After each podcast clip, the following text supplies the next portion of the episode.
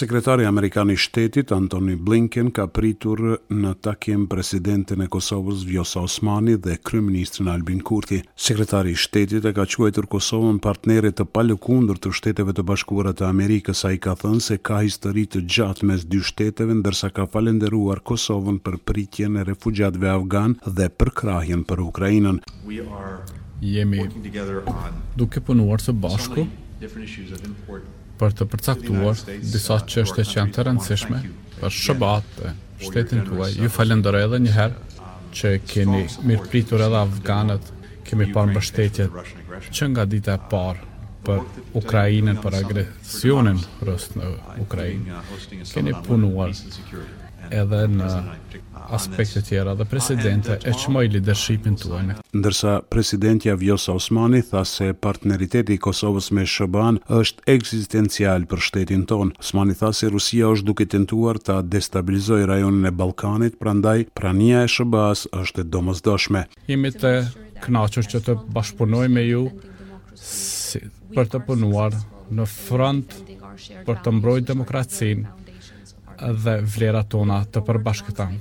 I mirëpresim së bashku me kryeministrin për të diskutuar reformat, në veçanti në sundimin e ligjit, e njëkohësisht, mbështetjen që kemi pranuar nga SHBA-të në fushën e mbrojtjes, sepse siç e dini, 23, pasi që është çliruar Kosova, është duke shkuar krah për krah me ushtarët amerikanë në misione paqeruajtëse. Kryeministri Albin Kurti ka falënderuar SHBA-në për kontributin e dhënë për Kosovën. Ai ka thënë se kanë kërkuar investime amerikane në Kosovë. Treguam se si Kosova është një rrëfim suksesi në mënyrë të dyfishtë. Së pari është rrëfim suksesi i punës dhe qëndrueshmërisë së popullit dhe i ndërhyrjes së NATO-s për ta ndalur gjenocidin e Serbisë në Kosovë. Dhe së dyti është rrëfim suksesi i një demokracie cilësore e cila shkon bashkë me zhvillimin ekonomik. Kosova kërkon normalizimin e marrëdhënieve me Serbinë dhe njohjen reciproke, kështu ka deklaruar Albin Kurti. Ai theksoi se ka dakordim të plotë me Sekretarin Amerikan të Shtetit Antony Blinken që dialogu të përfundojë me një marrëveshje ligjërisht të obligueshme të përqendruar tek njohja mes dy vendeve. Marrëdhëniet tona me Serbinë nuk janë normale. Ne duam marrëdhënie të mira fqinjësore, rrjedhimisht duam normalizim të këtyre marrëdhënieve. Dhe normalizimi i marrëdhënieve bëhet me dialog, i cili duhet ta ketë qëllimin e një marrëveshje ligjërisht të obligueshme të përqendruar tek njohja reciproke dhe këtu kemi dakordim të plotë me Sekretarin Blinken, i cili është aleat, partner dhe mik i madh i Kosovës.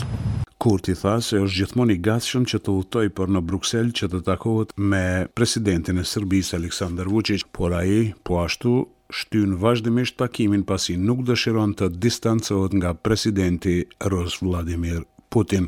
Me këtë rast unë do të theksoj që Kosova ka qenë përherë me çdo zyrtar të saj gjatë procesit të Brukselit, konstruktive, kreative dhe e përkushtuar, sekretari Blinken kërkoi që ne edhe më tej të jemi të tillë, ne do të vazhdojmë të jemi të tillë, por është Beogradi ai i cili po punon kundër marrëveshjeve dhe kundër marrëdhënieve të mira fqinjësore, ndërkohë që ne jemi konstruktiv dhe këtë Brukseli tashmë e ka regjistruar. Pra në vend se të ndodhë takimi më nëntëmbëdhjetë korrik, tash shpresohet që mbase do të mbahet në fund të gushtit. Është nënshkruar marrëveshja për programin kompakt në vlerë të përgjithshme prej dyqind e tridhjetë e gjashtë milion e shtatëqind mijë dollarësh ndërmjet Kosovës dhe MCC-së në Uashington. Nënshkrimi është bërë në një ceremoni të organizuar në Kongresin Amerikan nga Alice Albright, shefe ekzekutive e MCC-së dhe Artane Rizvanolli, ministre e Ekonomisë. Ndërkaq kryeministri Albin Kurti njëzet e shtatë korrikun e vlerësoi si datë historike për vendin duke shtuar se kjo marrëveshje vjen në një moment të rëndësishëm për Kosovën. E për sa i përket zbatimit të marrëveshjes kryeministri Kurti potencoi se do të lëvizet sa më shpejt që është e mundur për shkak të krizës energjetike. Sa më shpejt që të mundemi do të ecim përpara, meqenëse kriza energjetike nuk do të shuhet, ajo do të vazhdojë edhe më tej dhe ne kemi nevojë që të përshpejtojmë hapat drejt ofrimit të energjisë e cila është edhe me kosto të përballueshme, edhe e diversifikuar për nga burimet, por gjithashtu edhe stabile për nga furnizimi. Me tetëdhjetë e nëntë vota, Kuvendi i Kosovës ratifikoi marrëveshjen me Korporatën e Sfidave të Mijëvjeçarit e cila u nënshkrua në Uashington dhe ka vlerën prej dyqind e tridhjetë e gjashtë milionë e shtatëqind mijë dollarësh. Nga e hëna, një gusht, shtetasit e Serbisë që do të hyjnë në Kosovë do të pajisen me një dokument hyrje-dalje pasi nuk do të mund të kalojnë me dokumentet e tyre. Vendimi nis zbatimin mbi bazën e vendimit të qeverisë nga mbledhja e tetëdhjetë e pestë të saj ku qeveria ka marrë vendim që të aplikojë reciprocitetin ndaj qytetarëve të Serbisë përsa i përket dokumenteve zyrtare të identifikimit. Kjo është konfirmuar nga vetë kryeministri Kurti. Nga e hona, të gjithë ata të cilët kanë dokumente të lëshuara nga Serbia dhe duan që të hyjnë në Kosovë, ne do t'i pajisim me një dokument të veçantë i cili tregon që ata do të mund të lëvizin lirisht në Republikën e Kosovës. Kjo është një masë që ne e marrim njëmbëdhjetë vjet pasi që këtë tashmë e ka ndërmarrë Serbia, ndërkaq sa i përket atyre targave të kohës së Millosheviqit, Serbia vetë e ka pranuar në Bruksel që ato duhet të marrin fund, mirëpo duket që po i pengon zbatimi.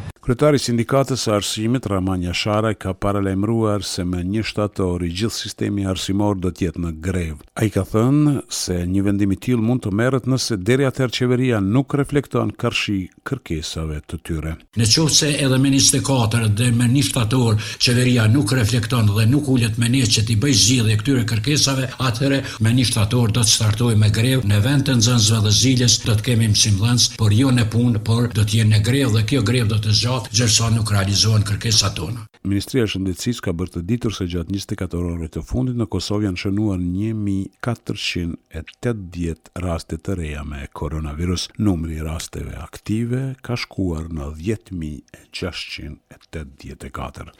Për Radio SBS Mendu Hysa, Prishtinë.